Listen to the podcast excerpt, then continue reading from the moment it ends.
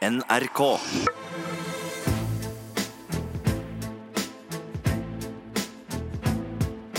Trump mot verden med Gjermund Eriksen og Sean Henrik Matheson. Ja, Velkommen til ukas episode av Trump mot verden. Jeg heter Sean Henrik Matheson. Gjermund Eriksen sitter der og strekker armene i været i dette øyeblikket! Wow! Oh, det betyr at vi er on fire, som vi alltid er. Til deg som lytter, veldig hyggelig at du hører på. Gjermund, take it away, please. Ja, det er viktig å huske på at denne uka så har vi hatt store, store øyeblikk. Mm. og det som jeg vil kalle stort drama. Mm. og innimellom så har vi gått til Star Wars, vi har gått litt til sjangerfilm. Hvis man skal gå til noe av det beste politiske drama i nyere filmhistorie. Så er det regissert av George Clooney. Eh, og det er skrevet av Bo Williman eh, som Kjenner et teaterstykke. Okay, ja, ja. Eh, og så har George Clooney skrevet det om til film. Akkurat. Og Bo Williman lagde House of Cards. Ah. Og så lagde George Clooney manus og regisserte det med seg sjøl i en birolle, for det handler om rådgiverne. Akkurat, ja. Det handler om rådgivernes betydning for de som er øverst med mest makt. Akkurat. Og at de gjør en forskjell. Og Den heter da Ides of March, eh, og verdens eh, beste skuespiller gjennom tidene, vil noen si. Ja. Og jeg vil i hvert fall ha han på topp fem. Ja. Han er død, han heter Philip Seymour Ja, Hoffman. han gikk bort, han. Og han spiller en eh, utrolig sterk rådgiver, og han holder et lite innlegg om hva som driver eh, de på den hvite siden. Now, there's only one thing I value in this world, Stephen, and that's loyalty. And without it, you're nothing. And you have no one. And in politics, in fucking politics, it's the only currency you can count on. That's why I'm letting you go. Not because you're not good enough, not because I don't like you, but I value trust over skill. And I don't fucking trust you anymore. Hvorfor er dette en god illustrasjon på ukas episode, Gjermund? Det er fordi denne uka så var det rådgivere eh, som eh, vitnet i eh, riksrettshøringene. Og det er rådgivere som har blitt funnet skyldig forrige uke, Oliver Stone. Så vi har både de lyse Stone, og de mørke sidene Roger av Stone. ja, rådgivning. Ja, ja. Eh, og Ides of March, som filmen het, bygger jo på Shakespeares eh, Julius Caesar-stykke. Mm. Eh, altså Tittelen handler om eh, Ides of March, eh, som skjer inni det. Eh, hvordan Julius Caesar blitt ødelagt av rådgivere og backstabba. Ja. Eh, så, det er, ja, og det, så det er stort drama med disse rådgiverne. Og det har det vært denne Ja, uka. Og det er vår røde tråd i dag. Eh, Det er 22. november, det er fredag formiddag, dag eh, 1035 av hans presidentskap. Taper han er 425 dager igjen, med forbehold. Tre ting vi skal snakke om, Gjermund. Det er eh, riksrettshøringen. Ja. Det er eh, kort fortalt med uh, the best of. Ja, det får du si. Ja. Wilman Sondland, Fiona Hill, blant andre. Ja, Og så skal vi snakke om spinndoktorfenomenet med gjest! Ja, det er Vår stas. første gjest. Det er stas. Ja, det, Sigbjørn Aanes kommer og snakker om uh, hvordan han opplever å være spinndo- ha vært spinndoktor. Nå jobber han et annet sted. Og forskjellen på norsk og amerikansk. Og film og virkelighet. Det er kjempestas. Sigbjørn Aanes er tidligere spinndoktor for selveste statsminister Erna Solberg. Var det i mange år. Eh, og så nevnte du jo Roger Stone. Vi skal også snakke om han mørkeprinsen av spinning, kan vi vel si, Gjermund. Ja. Tre ting vi ikke skal eh, snakke om.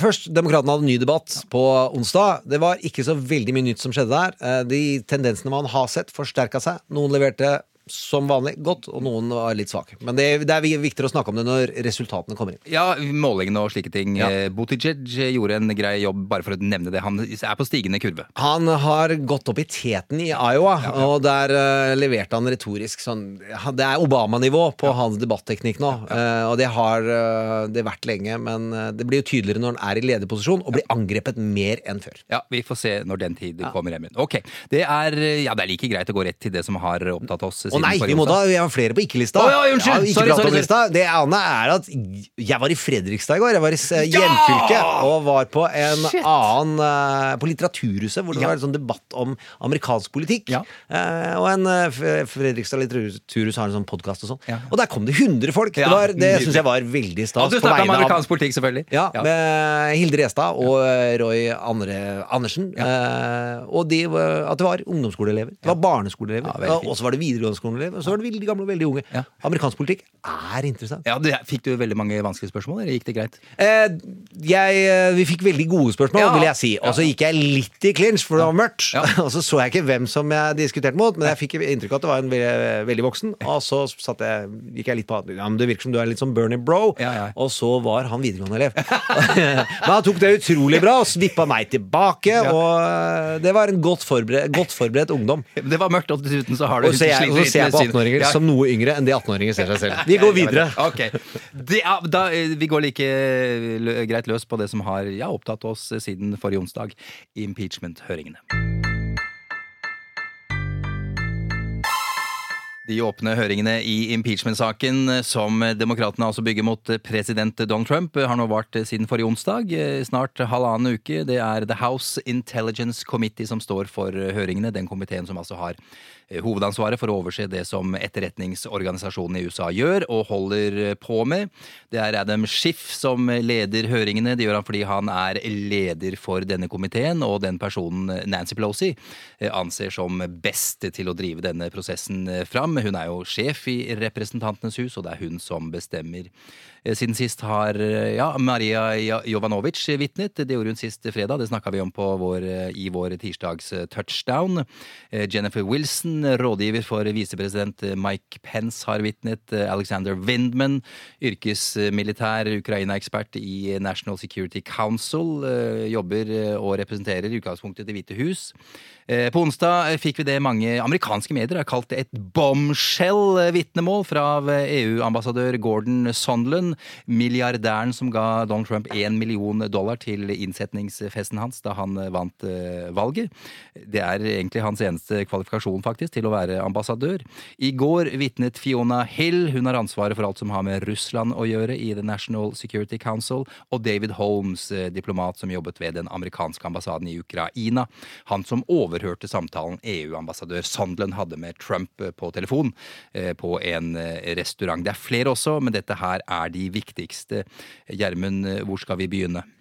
Jeg tror vi skal begynne med målet. Eh, hvorfor eh, har demokratene disse høringene? Og det har vi jo snakka litt om før, nemlig å skape virale TV-øyeblikk. Men egentlig så er det tradisjon for at det heter noe annet. Soundbites. Soundbites. Ja. Og syns det var på sin plass, for jeg hørte i går kveld at eh, en av den store lederen av impeachment-prosessen mot Bill Clinton, Mm. Ken Starr, har forsvart Donald Trump og sagt nothing, ikke 'nothing to see here', men her er det ikke mye å ta tak i. Ja.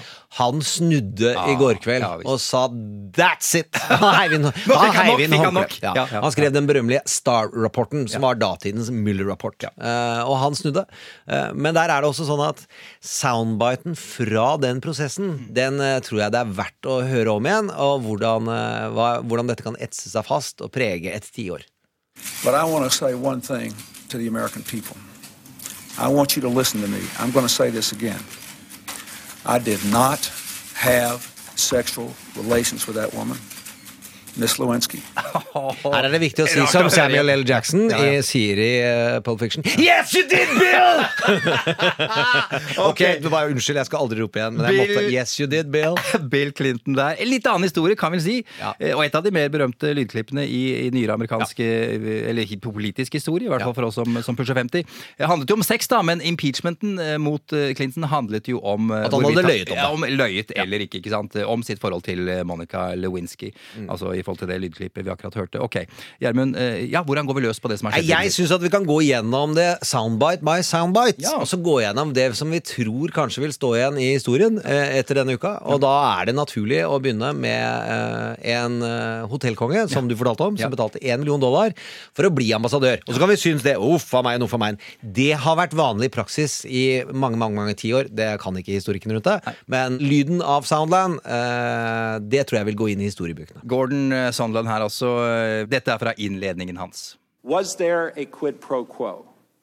As I testified previously, with regard to the requested White House call and the White House meeting, the answer is yes.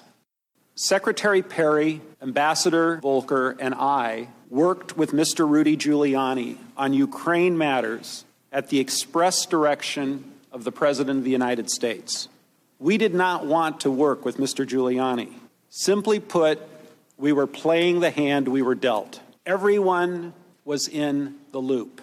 Again, everyone's in the loop. Ja, det er ikke noe tvil om hva han sier. Altså, Endelig en som er eh, tett på Donald, som er ærlig på et vis her, eller? Ja, eller som det heter, han har fått mange nok advarsler, og nå impliserer han absolutt alle. Så der har du øh, fyren som politiet arresterer løpende fra bilen som ligger i grøfta, og som er tatt i fylla, og da sier han det var flere i bilen. Dette er da eh, en metafor, Ja, og ikke de, ja, Så det har ikke noe med hva som egentlig har skjedd. Nei, nei, nei. Og så var han folkelig. Han lo og koste seg, og det tror jeg uh, virka som han var uh, glad i å sitte der og snakke. Og så er han eh, er det en fyr som har tatt seg vann over hodet? For han kommer som gründer og er stor bedriftseier. 'Jeg tar ikke notater!' Ja, det er ikke, Du skryter ikke av at du ikke tar notater. Jeg husker ikke helt. Nei, men det gjør deg ikke til en flink eh, byråkrat. Nei, nei. Men du, du sa noe der som er litt fint. Han var folkelig og, og kose seg. Skal vi høre litt på kosen først? Ja, det er viktig. Vi gjør det. vi gjør det You confirmed to President Trump that you were in Ukraine at the time and that President Zelensky, quote, loves your ass, unquote. Do you recall saying that? Yeah, it sounds like something I would say. That's how President Trump and I communicate a lot of four letter words.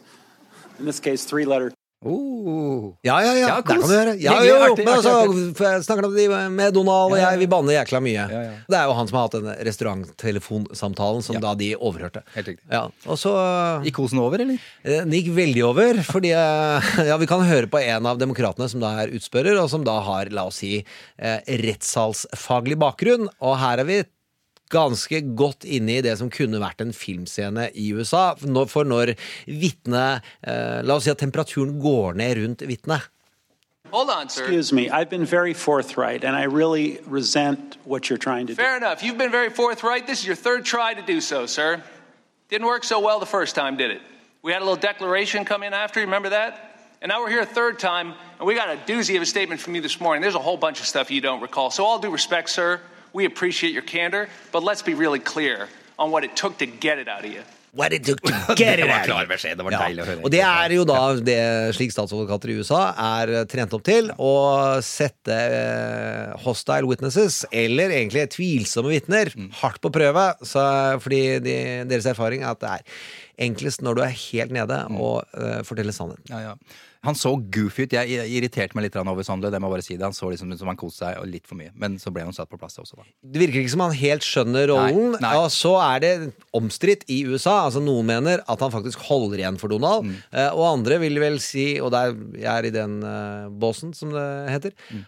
At han har blitt kasta under bussen av Donald, Ja. eh, og det har han tenkt at her skal alle under bussen Ja. hvis jeg skal under bussen. Og så får vi se Ja. hvordan det går. Ja, ok. Fordi jeg har en hotellkjede å gå tilbake til, eh, og så får vi bare finne ut av det. Det er ikke noe stress for han egentlig. Jo, jeg tror at han ble redd for at Roger Stone eh, ble funnet skyldig så utrolig raskt forrige uke, fordi han løy for Kongressen, så er det ikke trivelige amerikanske fengsler.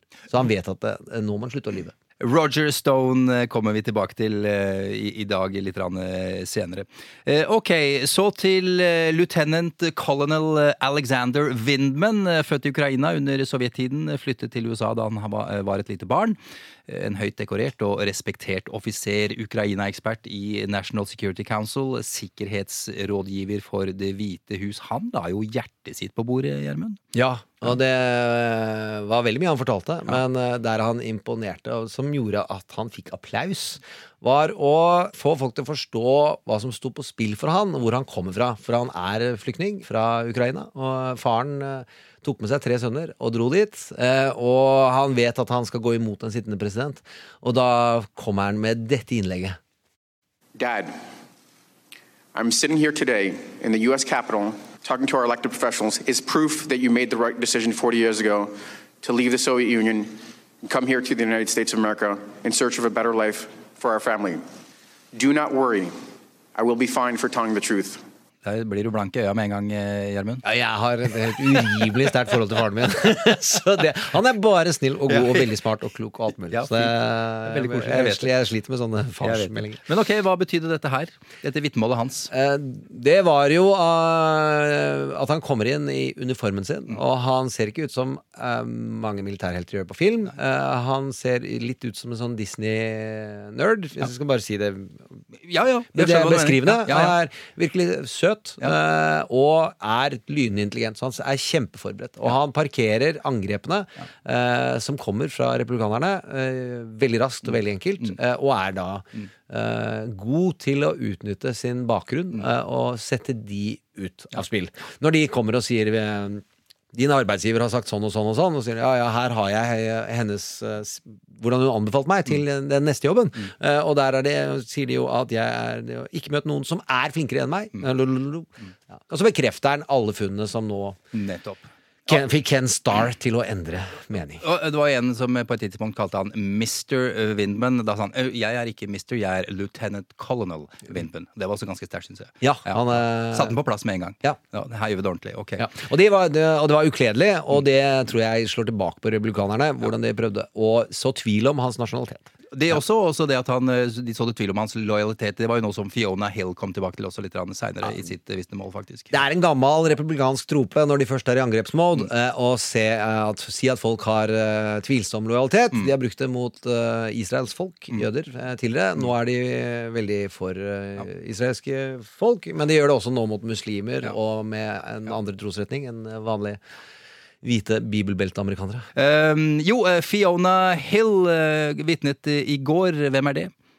Det er en eh, rådgiver som jobber sammen med og for eh, Bolton. Eh, denne mannen med bart, som eh, vi kommer tilbake til. Eh, og hun har vi bare hørt navnet til. Og så viser det seg at hun kommer eh, og setter seg ned og prater med en gruvearbeiderforeldreaksent. Eh, Nord-England. Kommer fra Nord-England. Ja, eh, og er eh, en blanding av Helen Mirren, Ja. sånn skikkelig. Ja. Og, det, og da mener jeg det, Jeg tror hun heter Christine Scott Thomas, hun som spiller i Fire bryllup og en gravferd. Ja, helt riktig. og da opplever du det hvis du noen gang prøver også Jeg veit da søren sette en godt utdanna britisk kvinne på plass, og du har undervurdert henne. Da høres det sånn ut. Based on questions and statements I've heard, some of you on this committee appear to believe that Russia and its security services did not conduct a campaign against our country, and that perhaps, somehow, for some reason, Ukraine did. This is a fictional narrative that has been perpetrated and propagated by the Russian security services themselves.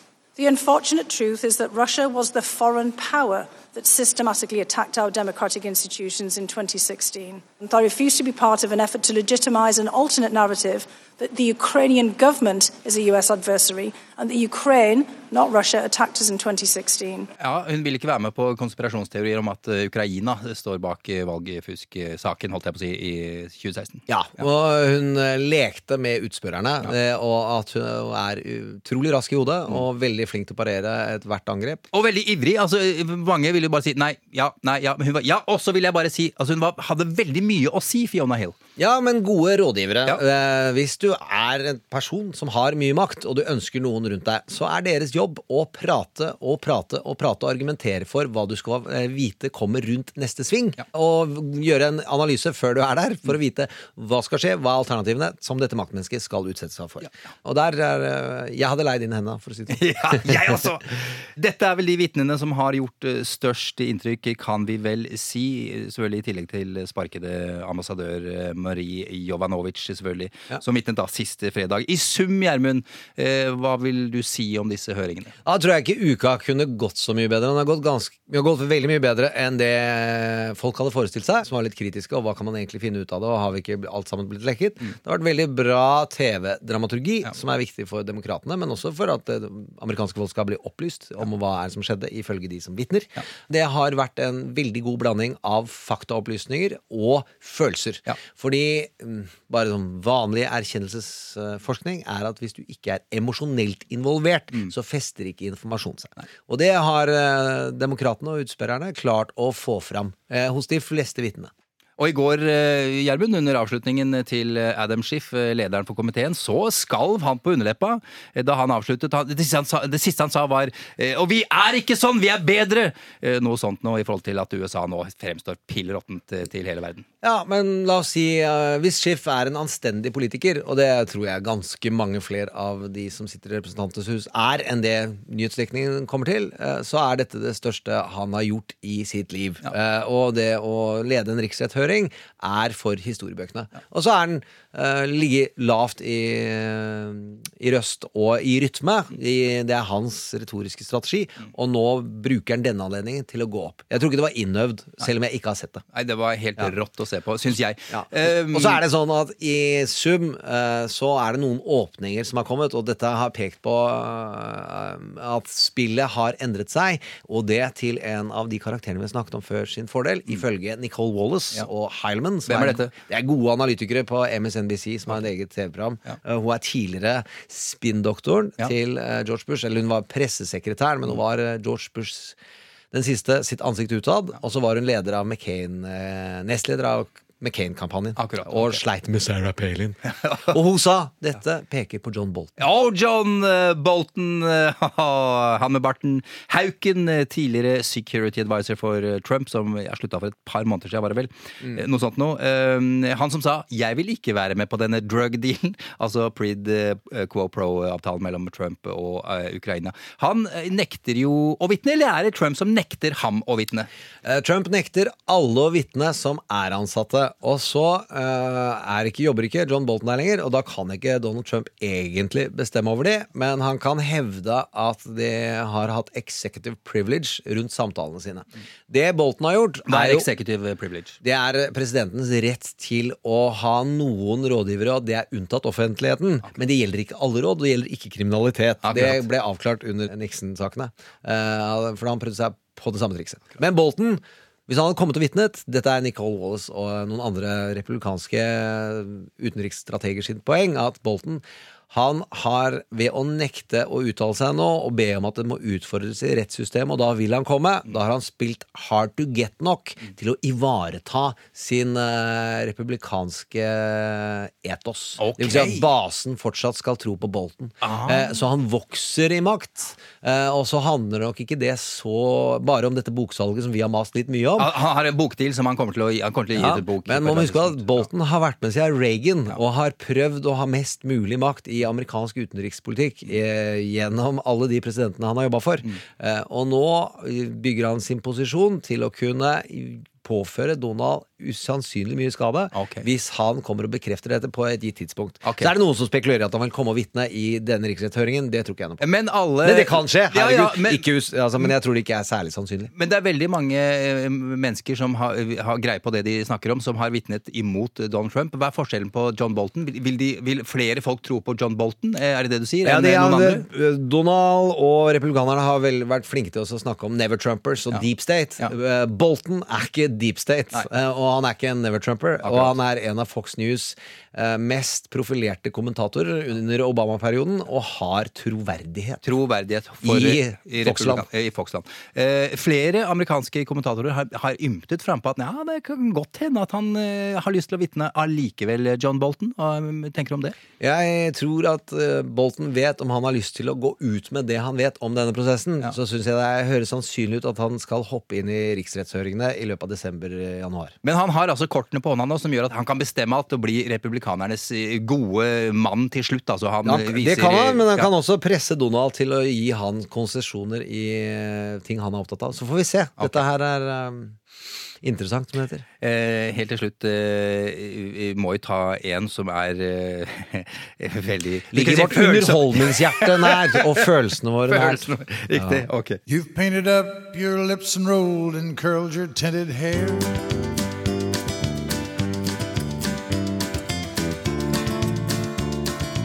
Ruby, are you contemplating going out somewhere?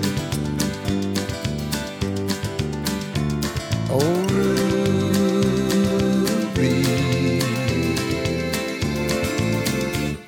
Don't take your love to town. Ja, og det er, Kenny viktig, det er så fort gjort å få den på hjernen, men han synger jo da Ruby Ja, og ja, ikke ja, Rudy. men det er jo helt så likt. Og det er med følelser. Rudy Giuliani, edderkoppen i Ukraina-nettet. Trumps personlige advokat som plutselig kjørte sin egen private utenrikspolitikk overfor Ukraina, på ordre fra Trump, selvfølgelig. I, i, i helgen så raslet han med sabelen sin. Hva gjorde han, Gjermund? Eh, Han var i et intervju med CNBC, og eh, de spurte er du ikke litt nervøs når du ser hva som skjer med andre rådgivere. Og da sier han nei, det går veldig, jeg har forsikring. Hva, hva betyr det? Ja. Forsikring det er mafiaspråk Ja. for at jeg vet noe om Donald, eh, og hvis han prøver seg, så kan jeg bruke det. Og da sier de en sånn spøkte tone, men eh, det er Det er vilt! Det er ja, ganske men vilt, er det ikke det? Donald har svikta alle, eh, og så har han ikke helt levert varene til Manfort. Så Rudy Ja. Men det, var kan ikke, det kan ikke handle om en eh, pardon fra presidenten her til slutt? For det, det gjelder ikke Don, eh, nei, Rudy, ikke sant? Jo, det, det, Rudy er ikke for det som han ryker for på et delstatsnivå, men det blir i juridiske detaljer. Ja, ja. Det viktige nå er at Rudy sender ut signaler om at ikke kjør eh, dette for hardt. Hvis vi skal bruke en metafor, så er det sånn at Rudy opplever nå å bli før, ført mot en eh, høyt trafikkert eh, veibane der det går mye tung buss. Han vil ikke bli kasta under bussen, er det du sier! det- en tung buss! Ja, okay. og uh, Soundland fikk den advarselen, og han gikk all in eh, og dro med seg alle sammen. Ja, ja. Eh, Rudy kan gå all in og dra med seg mye mer og mye hardere. Det er jeg ganske Oi, trygg på. oi, okay, greit. Han er på Twitter også, Rudy. Jeg skal få lese en melding han sendte ut her bare for noen dager siden. Republican lawyer doesn't do his own research and preparation as and is instead picking up Democrat lies. Shame! Allow me to inform him I have no financial interest in Ukraine. None! I would appreciate his apology. Og Der ser vi dramaturgisk utvikling av at han, hadde, han lo litt og sa forsikring på søndag, og der eh, går han og skriker 'do not touch me'. Ja, han gjør det, rett og slett. ok. Så vi kan vel si, da, eh, Gjermund, som en ørliten oppsummering her, at eh, rådgiverne har levert denne uka her. Det vil jeg helt klart si. Og så syns jeg Anderson Cooper var også emosjonell i går. Det var ikke bare skiff. Eh, og han trakk fram at se på hvem som kommer og rådgir her. Hvor de kommer fra. Her kommer det noen fra, med foreldre fra Nord-England, noen fra Ukraina, eh, noen fra eh, klassisk eh, høy utdannelse og noen andre steder. Hør på dette her. If there is any good news in all of this, is that these people, these Americans, stood up and didn't. It is their model that best fits the final lines of that Emma Lazarus poem that adorns the Statue of Liberty. Send these, the homeless, tempest tossed to me. I lift my lamp beside the golden door. Ja, det var heftig. Anderson Cooper eh, jobber jo i CNN eh, og er eh, kommentator der. Ja, og det er diktet sitt. For en eh, gammel lærer wannabe, så, så er det moro. Men eh, nå må vi over til Ja, ekte rådgivere. Vi skal over til vår hovedlinje i dagens episode av Trump mot verdens spinning. Og vi har vår første gjest, Gjermund. Det er stas!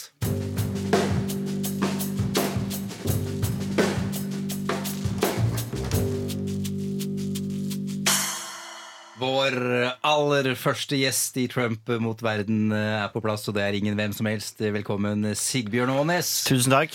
Det er stas eh, å ha deg her. For inntil ja, relativt nylig så var du en av statsminister Erna Solbergs mest fortrolige og viktige medarbeidere. Du jobba for henne i, i fem år. Før det var du kommunikasjonssjef i Høyre.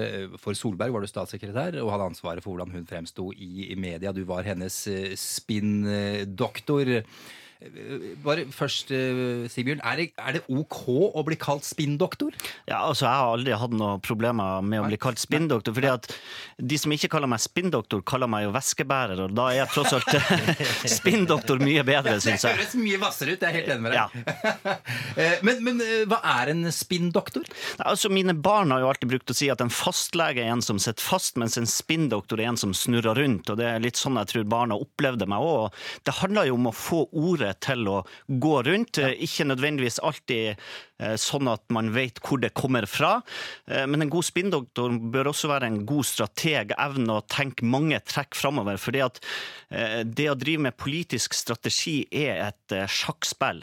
Det viktigste er ikke å få et godt første trekk, men det er å få sjakkmatt. Ja, Når du sier én ting, så må du liksom tenke hvordan vil det oppfattes etter andre, tredje, fjerde runde i media, f.eks.?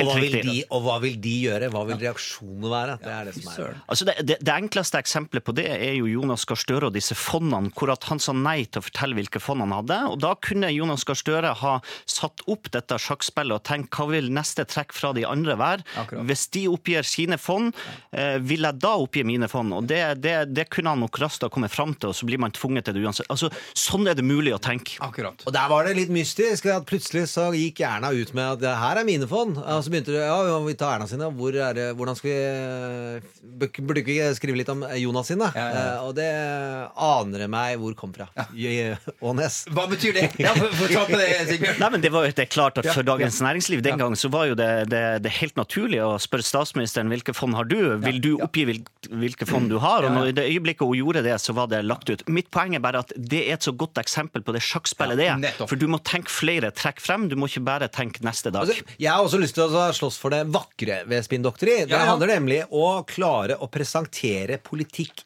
interessant og eh, sånn som folk er interessert i hva som skjer i norsk politikk. Og bruke emosjonalitet og gjøre det forståelig og forenkling. Og da kaller folk det Nei, det er å selge politikk. Ja, det er en utrolig viktig del av jobben. Nemlig at folk aksepterer, liker å bli utsatt for det de har stemt på. Var, det var viktig selvfølgelig å være tydelig i bud- budskapet, slik at folk forsto det dere snakka om, og nettopp selge, som Gjermund sier her. Ja, og det skal også gjøres med en troverdighet, og det er jo det som er så viktig. At, eh, at, eh, at, at der man ofte går feil, det er politikere som, som føler at de skal prøve å være noe de ikke er, åpenbart nærmest innta en slags rolle som skuespiller. Og, og erfaringa fra spesielt eh, norsk politikk er jo at, er jo at de, som, de som klarer seg best over tid, er jo de som også oppfattes troverdige, for de er mest mulig seg sjøl. Jeg syns det er veldig interessant å se en som Ole Bollestad nå på sosiale medier som er blitt en hit, og det tror jeg er for at hun bare hun liksom bare leverer og viser seg sjøl, og det funker. Landbruksminister eh, Bollestad der. Hva skiller en spinndoktor i Norge fra en i USA, vil du si? Det skiller like mye som det skiller en norsk og amerikansk politiker. Systemene er helt forskjellige, kulturen er helt forskjellig. Jeg vil si råskapen i politikken er helt forskjellig. Norge er et samfunn prega av høy tillit. USA er et samfunn prega av langt større forskjeller, eh, både i befolkning, men også politisk. Eh, Og den råskapen du ser i amerikansk politikk, eh, den, den kler ikke norsk politikk like godt. Men, men Er det bra eller dårlig? Nei, jeg syns jo det er veldig bra. For det, det er jo veldig slitsomt. Jeg er jo en av de som mener at politikk skal ikke være så veldig spennende som det vi ser i USA nå om dagen. For jeg skjønner det hadde vært mye bedre hvis Gjermund skrev en TV-serie om dette, men det er klart at når virkeligheten overgår fiksjon altså Hadde du, Gjermund, skrevet denne TV-serien, så ville vi sagt til. Nei, for vi ville sagt at det er så urealistisk. Jeg slutta å, å se på House of Cards fordi Nei, dette er jo bare tull! Jeg gidder ikke mer! Sammen med meg. Jeg slutta også å se House of. Cards. Ja? Eh, Ja, jeg er enig i at den ikke skal være så spennende som i USA er nå. Men uh, det jeg syns det er viktig at politikk er spennende, uh, og at man får fram det personlige engasjementet til ekte politikere. Fordi litt for mange trekker det ned og sier dette er bare politikere, og de slåss bare for makt. Nei, De fleste har en god intensjon, uh, og så er makt en oppside ved det, og så er det noen som har den andre siden. Den andre store forskjellen er at de har jo uendelig mye mer ressurser. Så er du øverste spinmaster i et av partiene i en valgkamp, så har du en eh, apparat av mennesker og tilgang på forskning og research, og det som annet kalles app-oppo. Hva betyr det? Hva er det for noe? Det er at du rett og slett, eh, enkelt sagt du ansetter mange detektiver til å Ja. kartlegge hele livet til motstanderen. Du, du kartla eh, Jonas Gahr Støre grundig da du var eh, spinndoktor, eller? Vi har ikke de ressursene i Norge, og jeg Nettopp. tror heller ikke vi vi gjør det på den måten i Norge. Men, eh, men norsk presse har jo en tendens til å, til å, til å gjøre det. Ja. Men, men ikke sånn som i USA, hvor du okay. går altså tilbake til barndommen. Ja, ja. Sigbjørn, det skulle vært artig å vite hva, hva er dine favorittspinndoktorer i fiksjonen, som vi også snakker mye om her, Gjermund og jeg? Ja, og, og, og når det gjelder fiksjon, som jeg sier Jeg, altså, jeg, jeg syns Toby Ziegler i, eh, i West Wing har en sånn Altså den der gode intellektuelle spinndoktoren med en åpenbar eh, sterk samvittighet eh, er jo, er jo veldig vakkert. På andre sida så syns jeg jo det er fantastisk underholdende med Malcolm Tucker i The Tick of It, som, som, som driver utskilling på et nivå som får meg til å fremstå som en søring i språkbruken. Altså det er, så det er to eksempler på morsomme og gode spinn. Det er jo altfor få her i verden som har sett In the Thick of It, som jeg mener ikke bare er vilt god politisk komedie, men det er en av verdens be Jeg bruker alltid store ord, men det er ikke jeg som er alene. da bare sjekke på IMDb hva som er ratingen. Ja, det er en ny type uh, sitcom hvor uh, de utvikla formspråket slik at i vanlig sitcom så skal du le i pausene, så det, du får lov til å ha-ha-ha litt. grann. Her blir du bare slått i ansiktet med vits, vits, vits, vits, vits! Og øh, du kan høre et lite klipp her. Vi kan ikke høre for lenge på det, for det er tung skotsk, og det hjelper på å være engelskspråklig. Ok, Her kommer et klipp fra The Thick of It. altså The Prime Minister is the right man for the moment. Yeah, that's what you told me to say. Of the moment, of the moment. I told you to say of the fucking moment. It's a huge difference between me saying to you, Nicola, I would like to go for a lovely walk with you. And Nicola, I would like to make a hat out of your fucking entrails. Det, Hvem er han inspirert av? Altså, Den fiksjonskarakteren er, eh, bortsett fra deg, øh, men hvem er den øh, bygger på igjen? eh, det var vel Alistair Campbell, er det Ja, ikke det det? Jo. Eh, hvem er det? Eh, Alistair Campbell var jo, er jo kjent som Tony Blair, spinndoktor og edderkopp, og, eh, og er jo på mange måter kanskje fremholdt som, som den største spinndoktoren i britisk politikk de siste to-tre tiårene, kanskje. Da er tre Eh, bokstaver for han Labour. New Labour! Ja, ikke sant. er blant av mange små, store grep han var øh, involvert i. Ok, eh, Viktig type, med andre ord. Ok, så vi må, var ta, vi må tilbake til Toby Sigler og West Wing, syns jeg. Altså, Håpet i, Mm. i gode kommunikasjonsfolk og gode politiske strateger. Den serien klarer å levendeliggjøre at det nytter. At få folk som altså Det er en av de mest klassiske scenene i West Wing, er at presidenten går igjennom en liten tale om at i, når det står på spissen, så er det noen få mennesker som kan gjøre en stor forskjell for veldig mange. Ja. Uh, og der er Toby. Mm. Uh, og der har du, har du en favorittscene? Eh, Altså, Egentlig min favorittscene det, det, Jeg har flere, egentlig, West Wing. Det er når presidenten går inn i katedralen og snakker med Gud eh, etter at sekretæren hans eh, døde. Det er med The Brothers in Arms spillende i bakgrunnen, men ikke minst også når han kommer inn eh, i, i Det hvite hus og tar et oppgjør med en ytterliggående konservativ radio- eller TV-vert. Det er radiovert som er Dr. Jacobi. Hun sitter i en grønn kjole, og hun sitter når alle, Alle- står. Ja. Eh, og så begynner han litt sånn smånysgjerrig, og så er Jed Bartlett en nobelprisvinnende profe professor ja. som har blitt presidentkandidat, så det er ikke ting du skal yppe deg opp med. Forgive me, Dr. Jacobs. I like your show. I like how you call homosexuality an abomination. I don't say homosexuality is an abomination, Mr. President. The Bible does. Yes, it does. Leviticus, 1822. chapter and verse. I wanted to ask you a couple of questions while I had you here. I'm interested in selling my youngest daughter into slavery as sanctioned in Exodus 21:7. What would a good price for her be? While thinking about that, can I ask another? My chief of staff, Leo McGarry, insists on working on the Sabbath. Exodus 35 2 clearly says he should be put to death. Am I morally obligated to kill him myself, or is it okay to call the police? Think about those questions, would you? One last thing. While you may be mistaking this for your monthly meeting of the ignorant tight ass club, in this building when the president stands, nobody sits. Ja, det er helt rått. Ja, det er helt rått. Og, og eh, altså, det, det er så mye bra med West Wing, men, men presidenten får også fram det at man skal heller ikke undervurdere det å faktisk ha kunnskap. For det er jo gjennomgående i denne serien hvordan han bruker sin kunnskap til å ta oppgjør og til å også vinne folk og publikum. Hvilke serier eh, syns du Sigbjørn, portretterer den politiske virkeligheten best? Altså Sånn som vi kjenner oss igjen i, så er kanskje Borgen, den danske serien, eh, det vi nordmenn ville kjent oss mest igjen i. Og som, som eh, med Kasper Juel som spinndoktor, som jeg husker en gang jeg var intervjua av Dagsavisen. Dette må ha vært lenge før vi kom i regjering, for det, da var det dette med spinndoktor var litt nytt i Norge som begrep. eh, Som vi har fått fra USA og Spinndoktor! Danmark. Ja.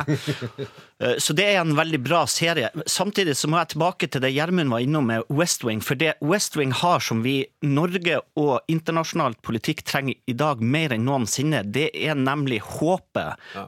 Og det med at det gode også kan vinne. Og er det noe vi mangler egentlig i, i politikken i dag, så er det håpet. Også i Norge, vil du si, Sigbjørn? Ja, norsk politikk har jo også blitt eh, frontene stadig hardere. Det er polarisering.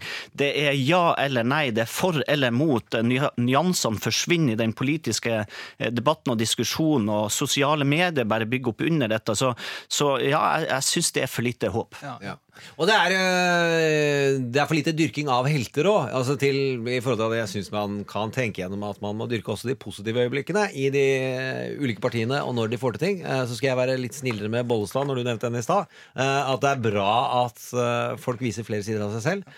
Eh, Jeg mener jo at West Wing er antageligvis den mest viktige serien i verdenshistorien, fordi den nettopp inspirerte en hel generasjon til å begynne å studere og engasjere seg i Ja. politikk, i retorikk, i hvordan politikk skal fungere. Eh, og det er eh, Obama-gjengen og Ja. den, det folkelige engasjementet han klarte å få til, det vokste ut ifra West Wings tro på politikk og eh, George Bush synliggjøring av at ikke alle fortjener å sitte ved makten altfor lenge. Okay.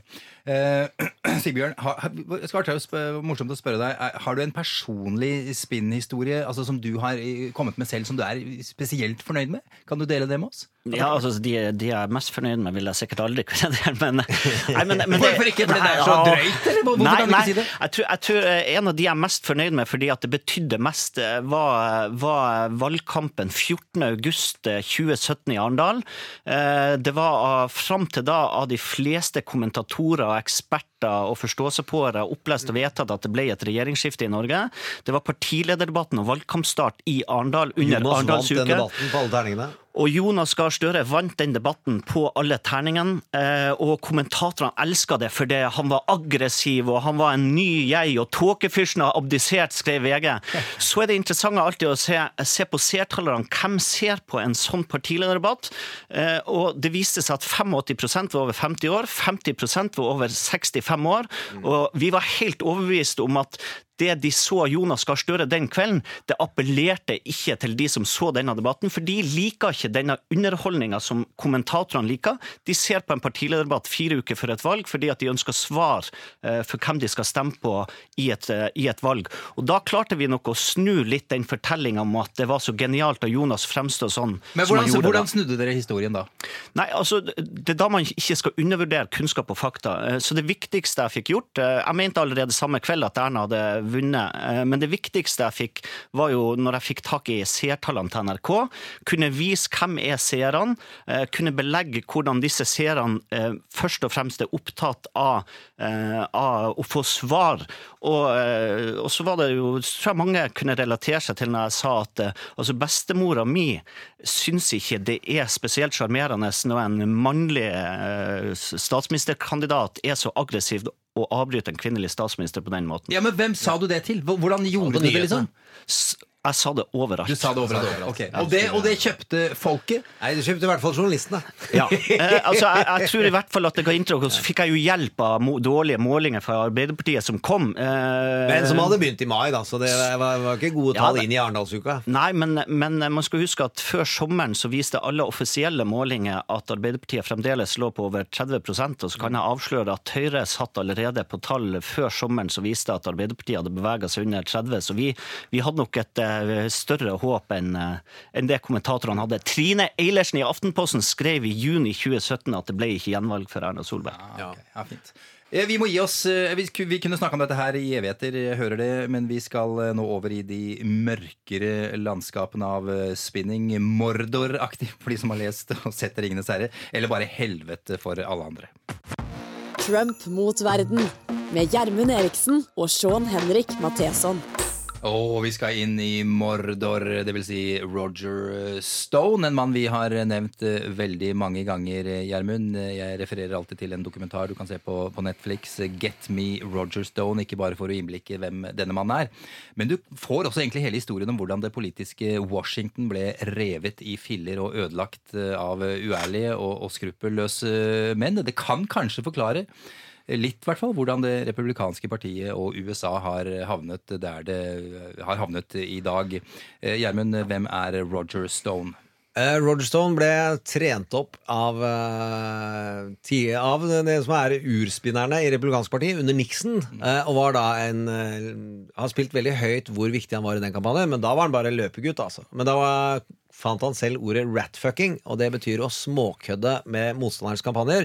Bestille masse pizzaer, bestille masse postordre til ulike steder, og sørge for at, kommer, at det kommer masse regninger til ulike kampanjer som de sliter med. Ting som er ikke, eh, ikke viktig i den store spinn-sammenheng, men han eh, hekter seg på Nixon. Eh, I motsetning til mange andre så forlot han ikke Nixon.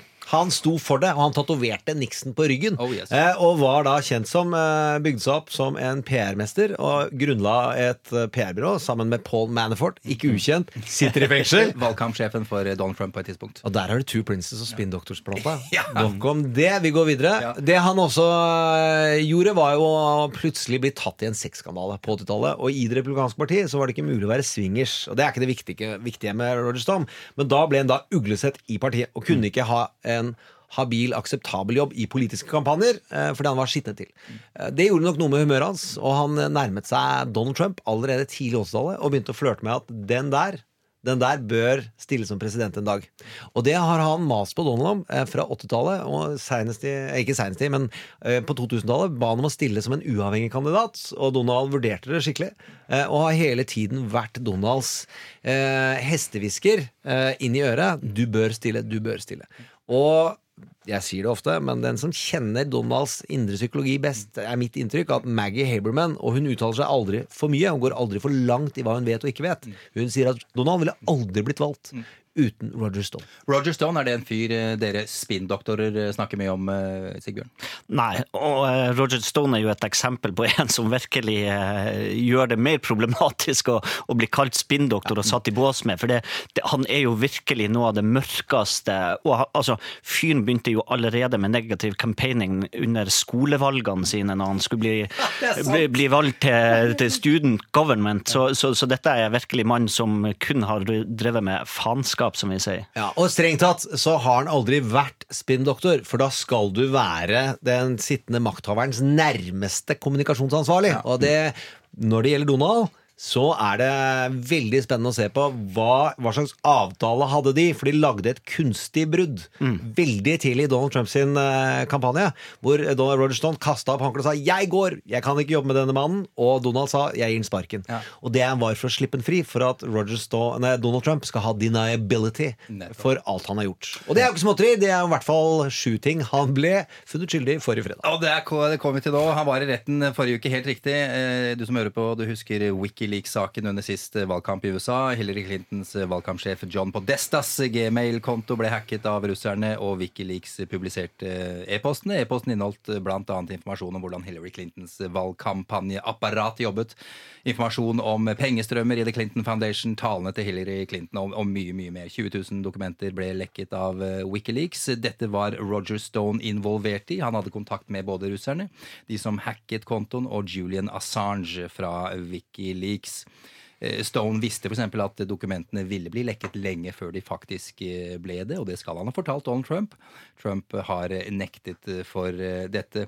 Eh, vel, alt eh, dette har Stone løyet om til Kongressen. I tillegg har han truet vitner som var en del av Mueller-etterforskningen. Det, det slutter ikke, dette her. Og bikkja til vitnet. Ja. Nettopp. Altså Med andre ord, eh, Roger Stone var eh, en del av den russiske konspirasjonen for å hjelpe Donald Trump til å bli president, og for å hindre etterforskningen som fulgte i, i kjølvannet.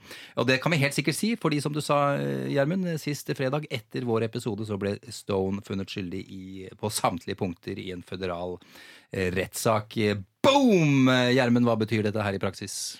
Det betyr at Roger kommer til å få en fengselsstraff. Eh, nå sier han ene som har podkasten Alle presidentens advokater, som er eh, verdt å anbefale, at han vil ikke sitte lenge, men det er ikke noe tvil om at han vil sone. Eh, og da er det en som vet mye om hva Donald egentlig har gjort, som eh, Donald kanskje må tenke på hvordan han skal bruke dette pardon-trikset før han går av. Ja, Han vil, han vil kunne få pardon, eh, Roger Stone? ja, det vil han kunne få. Eh, jeg tror ikke han er tatt på noe delstatlig. Men eh, så har han blitt det som da nesten aldri har skjedd før, som jeg har fulgt med på. Det er at du kan få gag order under rettssaken, at du ikke får lov å uttale deg. Men dommeren sa du får gag order mellom nå og når jeg sier dommen. Fordi du er skadelig for det amerikanske folk. Og da, det sier noe om kraften i mørk PR-virksomhet. Ja. det har den dommeren skjønt. Eh, Det er jo helt utrolig eh, at du fratas ytringsfriheten din, eh, rett og slett. Det, det, det sier så enormt mye om denne mannen. Men, men, men, men Sigbjørn, her er vi jo helt opplagt over i, i spinning og PR sin skyggeside. Er, er det spinningmetoder som er vanlige og akseptert i USA, som, som vi ikke gjør i Norge? Ja, altså, det, det man har fått avdekt spesielt med Donald Trump, men det er klart at eh, vi vet jo også fra 80-tallet og ting som har skjedd tidligere, bl.a. kampanjen mot John McCain, når man ringte rundt eh, såkalt polsters eh, og spurte om eh, man var klar over at eh, John McCain hadde en uekte sort datter. ikke sant? Mm. Og var- hvordan vil du stille deg til og det? hvordan vil du stille deg til det? Og det var jo ikke egentlig en poll, det var jo bare en måte å få spredd et rykte om eh, John McCain eh, for å ødelegge. Så, så det er jo ikke noe nytt, og sånne ting vil du aldri eh, kunne gjort i, i Norge. Kan det skje at, at Norge, i forhold til at vi er i en litt polariserende og, og vanskelig utvikling, kan, kan vi komme dit noen gang, tror du? Altså, jeg, jeg tror nok at eh, gode vil klare å bekjempe det onde også i Norge, fordi at, eh, fordi at det er noe i den norske folkesjelen også som setter grenser for hva du kan gjøre som, eh, som eh, du ikke har i nærheten av i USA. Jeg tror jo at uh, mørke gjerninger og mørke uh, PR-triks kan være avgjørende i norske valg, fordi det er så tight og tett. I, ved noen valg så er det så få stemmer som skiller. Uh, og så får vi se om eh, det blir utslagsgivende. Syns det har vært ganske rent av det jeg har fått inntrykk av. Sigbjørn, når blir spinning farlig? Nei, Det er jo når du gjør det som også er i spinningdefinisjonen helt utilgivelig. Det er når du eh, forlater sannhet og fakta og går over i løgn og konspirasjoner. Er det fristende å gjøre det av og til? Har du, tenkte du tanken? Nei, altså det er ikke fristende, fordi at i det øyeblikket du begynner med det, så mister du fullstendig troverdighet og kredibilitet. Sånn at eh, da er vi tilbake til det sjakkspillet. Altså da, da, da tar du en kortsiktig gevinst som ødelegger for eh, det du skal oppnå på lang sikt. Så eh, blant norske journalister, hvis du begynner med løgn og konspirasjoner, så, eh, så er du langt ute. Og dette er, det, dette er Roger Stone og hans folk har holdt på med lenge. ikke sant? Du har den som tok Swiftboat-kampanjen. er også en Roger Hva- hva Stone. er det for noe? Altså, det er den som tok John Kerry og knakk han eh, i hine hårde dager. Eh, Donald Trump har jo gjort det sjøl med eh, birtherism, altså så tvil om hvor han er født hen, er et, den type triks at du vet det er løgn, men du kjører det allikevel. Og det har de jo henta fra vanlig amerikansk rettspraksis, at en advokat som har en morder, og det er én morder, den advokaten har som jobb å sannsynliggjøre at det må være en annen. Være en annen. Ja. Og, det, og, der har du lov, og det har du lov til som advokat, men du, det står og faller på troverdigheten til din rettssak, og du kan ikke helt lyve. Du skal liksom male opp en alternativ narrativ. Det har en del spinnmeistere i USA bare flytta over i politisk praksis, og er da altfor vanlig. eh, Og det skjer litt på demokratenes side men det skjer solid mest på republikansk side. Ja, og dette er jo blitt en kultur på republikansk side, og, og, og en TV-serie jeg vil anbefale alle, er jo The Loudest Voice med, om Robert Ailes som eh, oppbygging av Fox News. Og eh, jeg vil jo si Robert Ailes er jo på mange måter tvillingen til Donald Trump. Ja. Og, og hvordan de holdt på under Irak-krigen. Og, og, Fox News har du ikke i Norge. Fox News er stort i USA. Ja. og, når du ser annet disse høringene nå om dagen, så går du inn på CNN og Fox News, og det, altså du, du, det er umulig å tro at de har se, se, vært på samme høring, så, så det er ja, helt vilt. Helt vilt. Ok, eh, Vi har noen reaksjoner på, på dommen eh, til Roger Stone. Skal vi høre dem? eller? Ja, jeg syns det. For det er mange ofre for det eh, Roger Stone har gjort. Den gag-orderen kommer av en grunn. Folk mister jobb, eh, folk blir redde, og folk får endret livene sine. Og en av de som fikk det, er Donna Brazier Hun var administrativ leder i Det demokratiske partiet. Og gjennom lekkasjene av e-postene så viste det seg at hun hadde sendt Hillary Clinton at dette tror jeg er samtaletemaene CNN kommer til å gå innom. Og så mista hun jobben i CNN også. Og så har hun havnet på Fox News. Men eh, dama slåss med begge nevene og var da hos Bill Maher på fredag og uttalte dette. Will President Trump pardon Roger Stone not before the election, would be my guess. Well, he's going to be sentenced on February 6th. I hope he roasts in hell. Whoa. easy, easy, easy. That, Whoa, that, whoa. That, that, that son of a bitch Whoa. Hold my beer. worked with WikiLeaks to Yeah. destroy Yep. not just Democrats, Yep. but to destroy our democracy. So I hope he roasts in hell. And I wish I'm at the sentencing hearing because I'm going to wear the best looking red dress I could and say, go to hell. Ja, og hun har nå tatt seg kommentatorjobb på Fox News fordi å synliggjøre et annet perspektiv inn der. Eh, og venge løs, som vi sier i Indre Østfold. Vi eh, skal til eh, ukas karakter. Lee Atwater, a guy who changed American politics. The notorious Lee Atwater who ran uh, George H.W. Bush's campaign. Are you as tough as they say you are? No, I'm really a right lovable fella, but uh, for some reason the Democrats don't seem to like me too much. Ukas eh, karakter er Harvey Leroy Lee Atwater, en amerikansk eh, kampanjeleder og politisk strateg for republikanerne. Eh, Motstanderne kalte ham ifølge Wikipedia det republikanske partiets Darth Vader. Døde relativt eh, ung. Eh, Var rådgiver for Ron Reagan og Bush den eldre. For han døde av lungekreft til å lage sånn lyd. Det er litt mørk humor. Det var lov med litt mørk humor. Eh, Hvorfor er dette ukas karakter, Gjermund? Det er fordi han er den som faktisk var viktig spinndoktor eh, rundt kampanjene til Nixon. Han jobba ikke i Nixon-administrasjon, eh, så han eh, røyk ikke på den.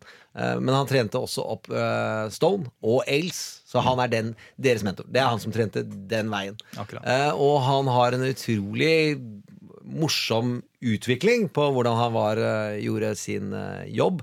På 80-tallet så var, bidro han til at Reagan ble valgt eh, begge ganger. Og så er han kjent for å være en av de bak en legendarisk reklamekampanje som er The Roy Horton Ad, er det ikke det den heter? Ron Horton. En sånn, ikke. Nei, jeg kjenner ja, det. er en reklamefilm som spiller veldig på frykt uh, mot uh, George Bush sin eh, motstander. helt riktig, Og som på- henger ja. ut at en morder Nei, en som hadde sonet eh, ferdig, og som ble sluppet ut, han drepte igjen. Så Ah. lagde du den mest Helt frykt. riktig. Den husker jeg, ja. Ja. ja det, var, det var en helt hva skal jeg si, legendarisk negativ TV- TV-reklame Ja. som, som han sto bak, og som også hadde enorm effekt eh, i den valgkampen. Som han sier egentlig ødela alt, eh, og gjorde at George Bush vant, og som George Bush tok liksom-avstand fra. Da snakker vi om den eldre, altså. Ja. liksom-avstand fra, men da fikk han jo da et eh, veldig dårlig rykte for at han var villig til å gjøre hva som helst for å vinne. Ja. det dyrka han gjennom 90-tallet, eh, og var showman. Han er, eh, det er klipp i dokumentaren som heter Bogeyman. Kjempeverdt å se. Hvor finner du vinneren? Det er et eller annet Ja, sted, det er bare, Det er ikke ligger på YouTube, Det faktisk. så farlig. Ja, Ja, ja. ja, men der kan du se en spille gitar, synger som et uvær, det hopper i spagaten og opp igjen, og er en sørstatsmann. Men i intervjuene så er han ærlig når han har eh, fått sin dødssykdom, dødssykdom. Og det er det den dokumentaren spiller på. At han solgte sjela si til Satan Akkurat. mot at han skulle få all politisk makt som spinndoktor. Okay. Eh, og så blir han angrende synder for å eh, rense sin sjel. Og på Ah. dødsleiet ikke på dødsleiet, men han sier det i hvert fall mot slutten av sin karriere. Sier at ja, vi spilte på rasisme. Vi kalte det Det var et kodespråk. Uh, the Southern Strategy uh, var å gjøre de hvite irriterte på de svarte ved å kalle de noe annet enn svarte. Man kalte det welfare uh, people. Eller jeg husker ikke well, Altså folk som går på velferdspenger, eller inner city people. Som hele tiden skulle skape dette bildet av at de svarte tar over, og derfor må vi skremme dem. Og hvorfor snakker vi om han i dag i forhold til det vi altså, Fordi han politikk er? Roger Stones. Er Roger Stones. jeg vil si at han var ikke akseptabel, men han var en dyktig Roger Stone. Det må vi, har vi Ja. helt glemt. Han er også en tulling. Altså Han går i fengsel nå fordi at han er utrolig amatør i hvordan han har gjort sporene sine og gjemt bort. Og hvis man skal sende ting, så må du vite at det, det, mobiltelefonen din den finner politiet. Og det er mange måter du Han har jugd om eh, ikke bare det han har gjort, men har gått på en Saddam, nemlig skrytt på seg ting som har fått den i mer trøbbel. Eh, Så eh, Roger er eh, Han fortjener å sone. Altså. Det er vi alle enige om. Eh, ok. Eh, vi får jo inn masse spørsmål eh, til vårt program. Tusen takk for det. Det er hyggelig at du, du sender mail. Du, du som gjør det. Trump at nrk.no. Lars Petter har kommet med et spørsmål, Gjermund. Hiver deg på du også, Sigbjørn. Er det så usannsynlig at Trump kan bli dømt i Senatet som det sies?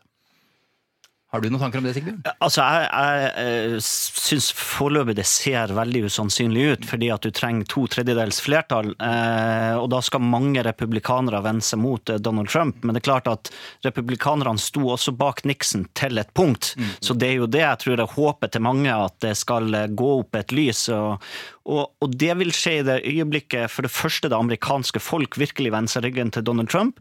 I det øyeblikket disse senatorene ser at deres valgdistrikt vender ryggen sin til Donald Trump, da kommer det til å begynne å brenne. Ja, det er også et poeng eh, Lars Petter har med her, at, eh, at eh, mange folk kan slite med å bli gjenvalgt i sine distrikter. Og da, Ja. for det, altså lojalitet i partiet har du til ens egne posisjoner er i fare, da, da forsvinner Men hva er det som skal til da? Nå har vi sett på impeachment-høringene, og det, er jo, det er jo, kan det jo ikke være noe tvil. Hva er det som skal til da? Hva er det som skal overbevise folket?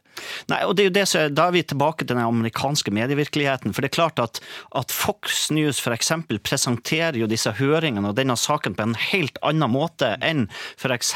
CNN og New York Times. Sånn at, sånn at mange eh, i Trumps velgergrunnlag de, de leser ikke New York Times, de ser ikke CNN. De får sannheter servert via Fox News.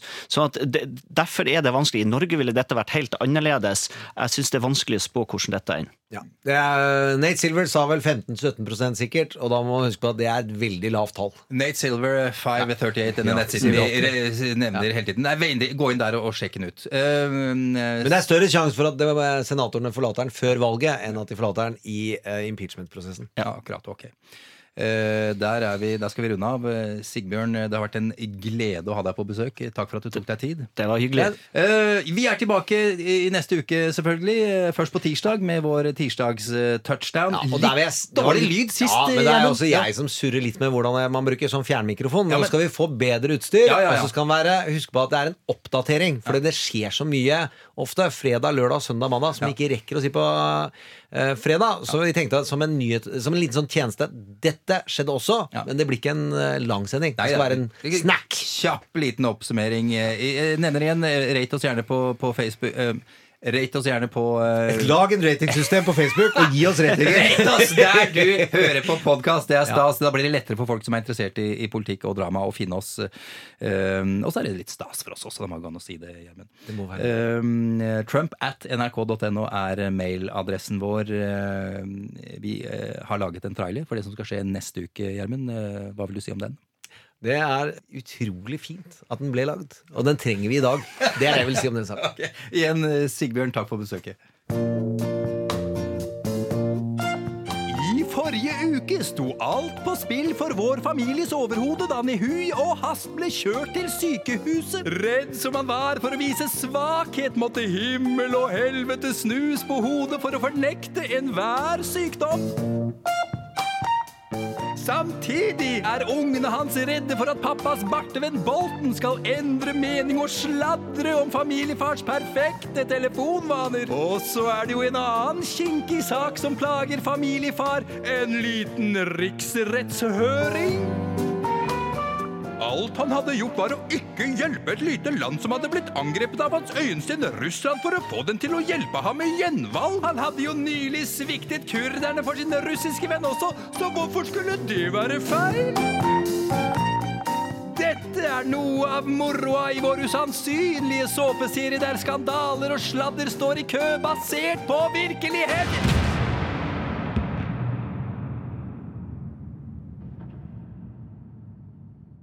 Eller unnskyld, dette er virkeligheten. Verdens beste såpeopera er ikke lenger Dynastiet, Falcon Crest eller Days of Our Lives. Det er Trump mot verden. Trumps ledelse i virkeligheten. Denne såpeserien er jeg redd vi kunne kalt The Last Days of Our Lives!